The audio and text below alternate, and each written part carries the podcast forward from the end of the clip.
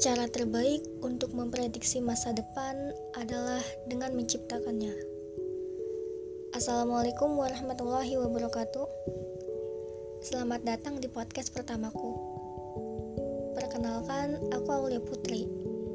Aku merupakan salah satu mahasiswa program studi biologi di Institut Teknologi Sumatera. Hari ini aku akan sharing tentang masa depan atau lebih tepatnya target masa depanku.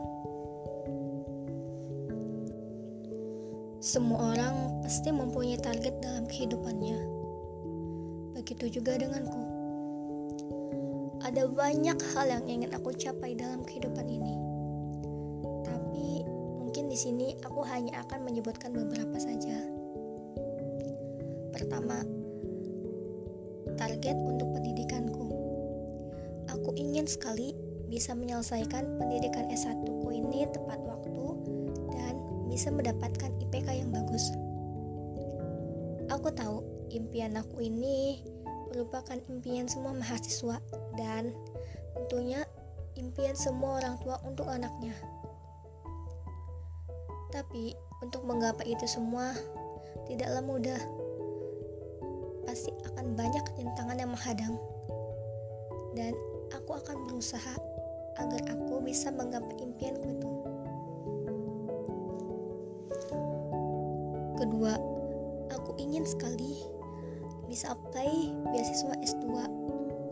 Bisa dibilang, sedari kecil aku memang tipe orang yang ambisius, terutama di bidang pendidikan. Aku selalu menghabiskan waktuku untuk belajar hal baru tidak akan berhenti sampai rasa penasaranku terhadap hal baru itu terpenuhi.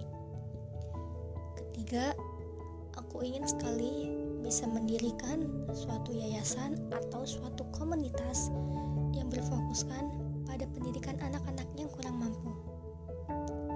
Aku tahu biaya sekolah sekarang itu sangatlah mahal dan banyak anak-anak di luar sana yang terpaksa berhenti sekolah atau terpaksa putus sekolah karena keadaan financial keluarga mereka yang serba berkekurangan.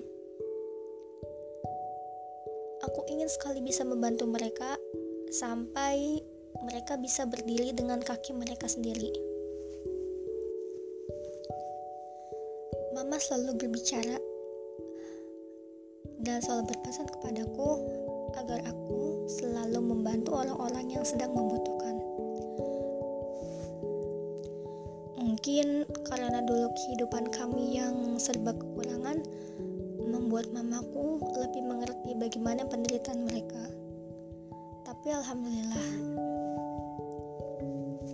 sekarang keadaan keluargaku sudah jauh lebih baik.